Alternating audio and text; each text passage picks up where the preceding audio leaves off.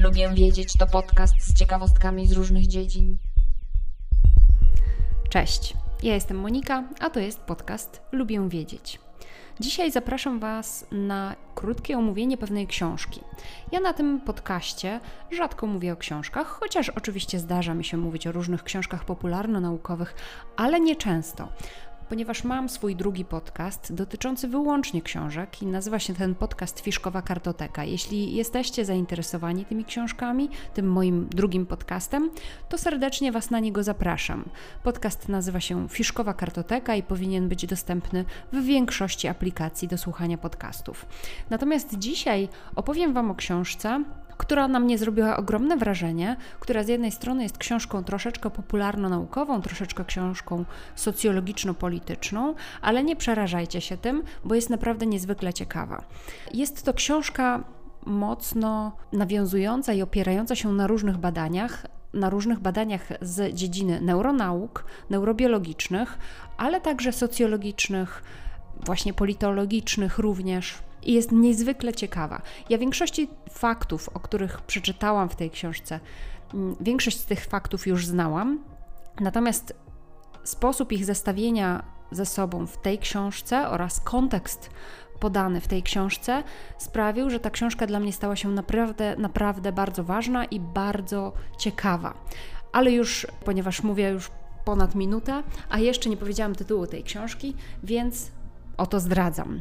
Książka, o której będę mówiła dzisiaj, to jest książka Nieludzki ustrój. Podtytuł jej to Jak nauki biologiczne wyjaśniają kryzys demokracji liberalnej oraz wskazują sposoby jej obrony. Autorem tej książki jest pan Marek Migalski. Książka została wydana w 2020 roku w wydawnictwie Liberté w Łodzi. Marek Migalski jest doktorem habilitowanym Uniwersytetu Śląskiego, jest politologiem, również europosłem byłym, jest publicystą, komentatorem politycznym, jest autorem i współautorem kilku książek, a nawet chyba kilkudziesięciu książek, które wydawał e, nie tylko w Polsce, ale również za granicą. No i teraz jest właśnie autorem tejże książki. O czym jest ta książka? Oczywiście podtytuł już wiele zdradza. Jak nauki biologiczne wyjaśniają kryzys demokracji liberalnej. I główną tezą tej książki jest to, że liberalna demokracja stoi w sprzeczności z naturą ludzką. I cała książka dalej polega na tym, że autor przytacza argumenty, które pokazują, jak odkrycia najnowsze lub troszeczkę starsze z dziedziny nauk e, neurobiologicznych wskazują, że pewne podstawy liberalnej demokracji są zupełnie sprzeczne z tym, jacy my jako ludzie jesteśmy, jakimi stworzyła nas ewolucja. A potem w dalszej części tej książki pokazuje, jak możemy z tym walczyć, jak możemy jednak pozwolić na to, żeby liberalna demokracja przeżyła. Jedyną, jedyną wadą tej książki według mnie jest to, że autor wychodzi od pewnego dogmatu, że liberalna demokracja jest najlepszym ustrojem, a w ogóle według mnie nie tłumaczy tego, dlaczego liberalna demokracja jest najlepszym ustrojem.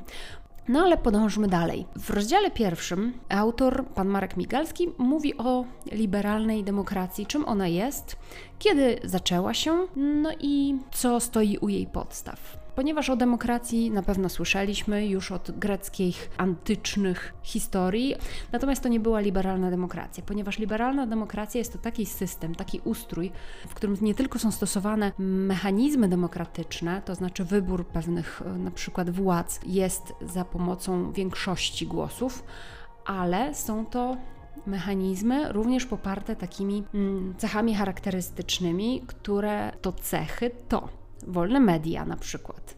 Również opozycja, która ma silną siłę sprawczą, która może być opozycją i może głosić swoje poglądy. Są to również niezależne sądy, jest to również gospodarka rynkowa, jest to również silna edukacja, również systemy inkluzywne, to znaczy, że całe społeczeństwo może wykonywać wyborów demokratycznych, a nie tak jak na przykład w Grecji, kiedy wybory demokratyczne i udział w ogóle w tej demokracji mieli tylko mężczyźni i do tego z elit. Kobiety były nie, nie włączone w te mechanizmy demokracji, również biedniejsi ludzie nie byli włączeni, a także kolejną częścią, podstawą liberalnej demokracji jest również świeckość państwa.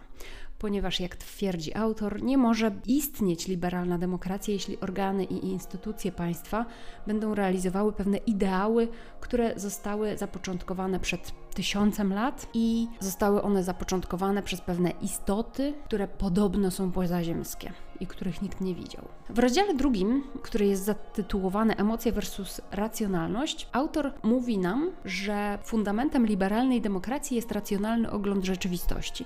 I to jest prawda.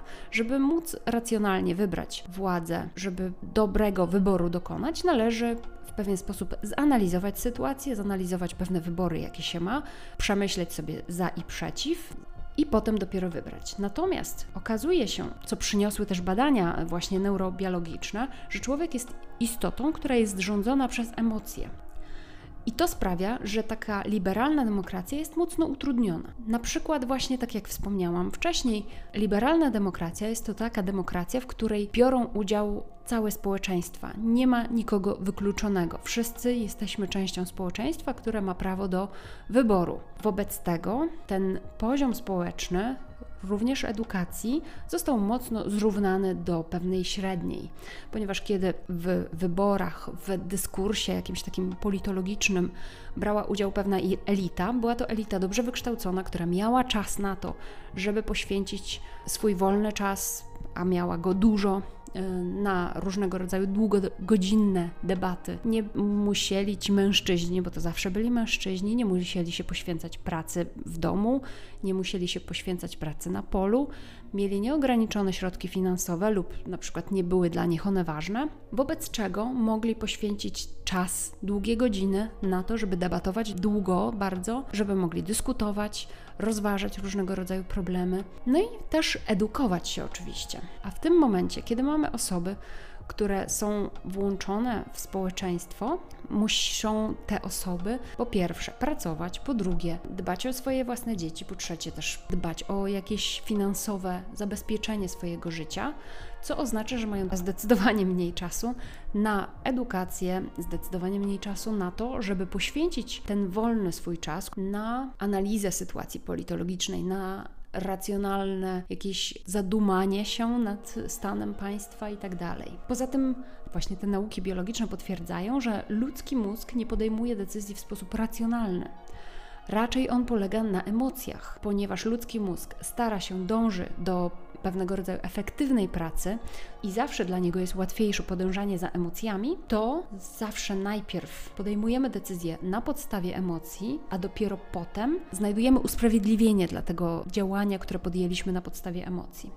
Poprzez takie działanie mózgu ogromną rolę i ogromny wpływ w polityce, szczególnie obecnie, odgrywają liderzy, charyzmatyczne osoby, które przez odpowiednie zachowania, przez odpowiednie działania PR-owe odwołują się bezpośrednio do emocji właśnie swoich wyborców. To się nazywa personalizacja polityki i ona zachodzi na dwóch poziomach. Zachodzi na poziomie takim, w którym właśnie rola jednostki, rola lidera partii, zwykle partii, wzrasta, a także na drugim poziomie zachodzi ta personalizacja polityki, ponieważ pewne atrybuty osoby, polityka, właśnie tego lidera, które są niezwiązane z polityką, również rosną w siłę. To są na przykład takie atrybuty jak wygląd. Ogromną rolę mu gra podobno na przykład w Stanach Zjednoczonych.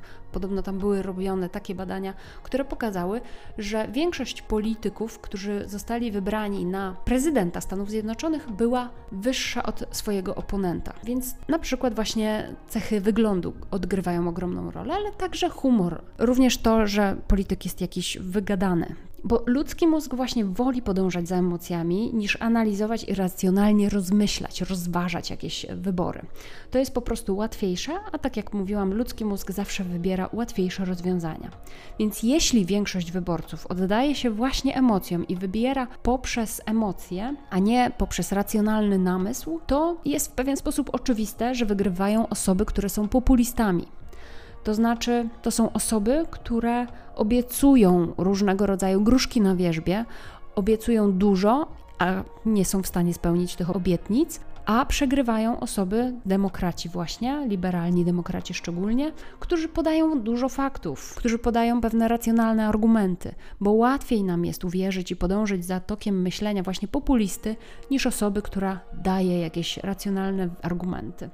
Dodatkowo ludzie nie mają takiego mm, dobrze wykształconego odkładania zysków w czasie. Wolimy to, co jest tu i teraz, więc jeżeli ktoś nam tu i teraz obieca, że coś nam da, to my jesteśmy w stanie mu bardziej uwierzyć niż osobie, która powie, że za ileś tam lat ta teraz ciężka praca przyniesie nam dużą korzyść. No i właśnie to są takie trzy powody, dla których emocje są coraz ważniejsze w polityce. Po pierwsze, że nauki biologiczne przyniosły nam pewnego rodzaju odpowiedzi, jak działa ludzki mózg. Po drugie, te wyniki badań nauk biologicznych są dostępne dla wszystkich, a co za tym idzie, są możliwe do wykorzystania przez różne osoby, różne również partie. A po trzecie, jest pewna zmiana w kulturze e, ostatnimi laty.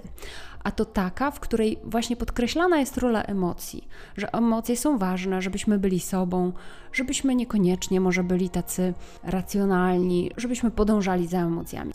W kolejnym rozdziale, w rozdziale trzecim, zatytułowanym Indywidualizm versus grupowość, autor pokazuje nam, że człowiek jest tak zwanym zwierzęciem grupolubnym. To znaczy lubi przebywać w grupach, lubi się identyfikować z jakąś grupą, lubi należeć do jakiejś grupy. Natomiast liberalna demokracja ma na pierwszym planie dobro jednostki. Nauki biologiczne pokazały, że ludzie potrzebują bycia właśnie w grupie, poświęcania się grupie, podporządkowywania się grupie, a ma to swoją podbudowę w tym, że po prostu takie działanie, takie właśnie grupowe działanie, grupolubność opłacała się, ponieważ to pozwalało przeżyć. Powiedzmy, wyobraźcie sobie taką grupę pierwszych ludzi gdzieś tam na sawannie. No łatwiej było przeżyć w grupie niż jakiejś jednostce. Dlatego to gdzieś tam głęboko, podskórnie, podświadomie w nas zostało. Dlatego historia ludzkich cywilizacji, ludzkiej cywilizacji to jest historia właśnie walk osób, jednostek, ale dla swoich grup.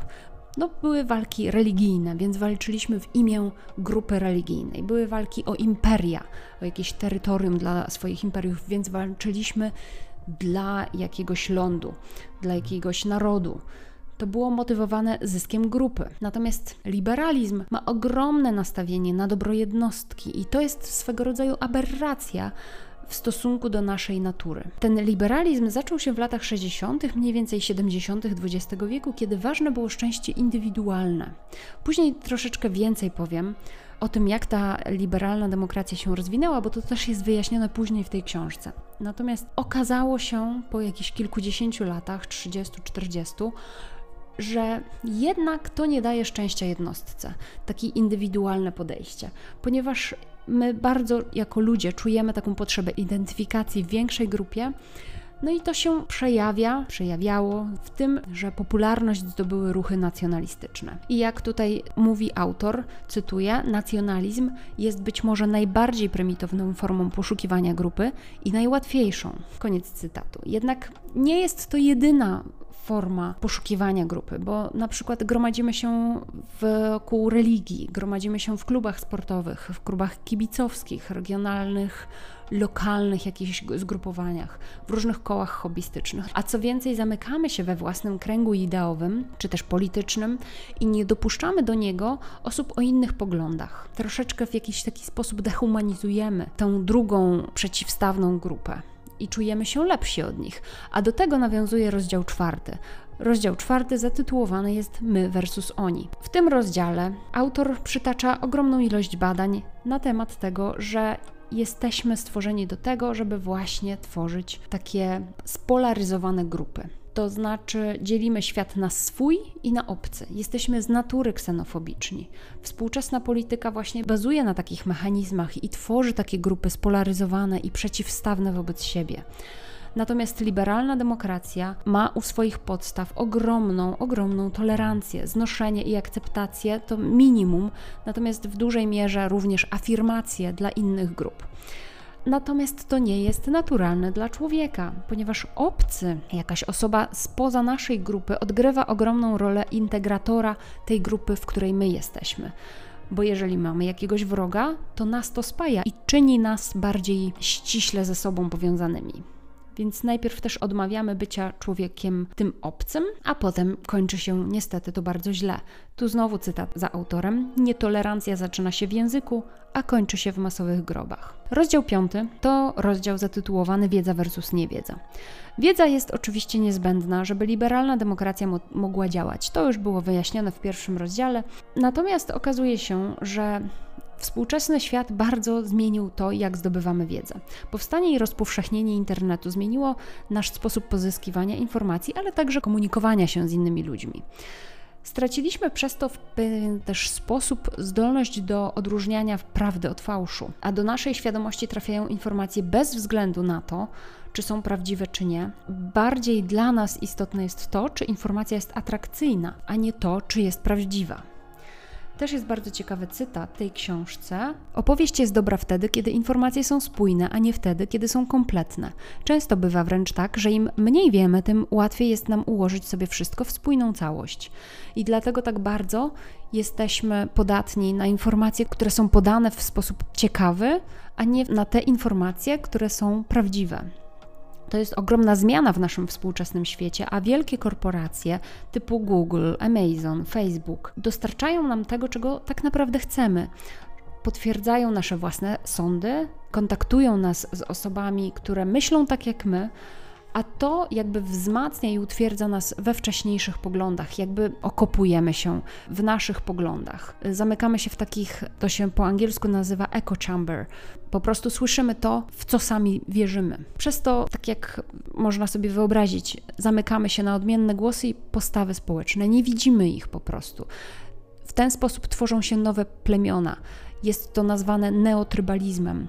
Jesteśmy wobec siebie agresywni, jesteśmy lojalni wobec swoich, swoich ziomków, natomiast wyolbrzymiamy wady innych. Wykorzystują to, tak jak mówiłam, te korporacje, mm, social media i dają nam tylko taką wiedzę, która nie będzie nam kazała zmieniać własnego zdania i zmieniać naszych światopoglądów, tylko będziemy po prostu się okopywać w tych poglądach, które już mamy. No i nie ma już następnego rozdziału, bo następnym rozdziałem nie jest rozdział piąty, tylko rozdział zatytułowany po prostu konkluzje.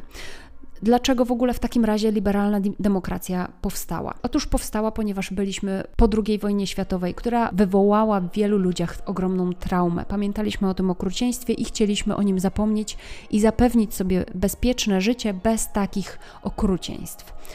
Poza tym po II wojnie światowej zaczęła się taka prosperita gospodarcza. Coraz więcej osób zyskiwało coraz więcej korzyści materialnych i bogaciło się. A to sprzyjało pewnym właśnie ruchom politycznym typu liberalnej demokracji. Poza tym po II wojnie światowej świat mediów był bardzo scentralizowany, były bardzo silne media publiczne, które pokazywały prawdziwe informacje, które zapewniały nam wiedzę, ale też różnorodność informacji.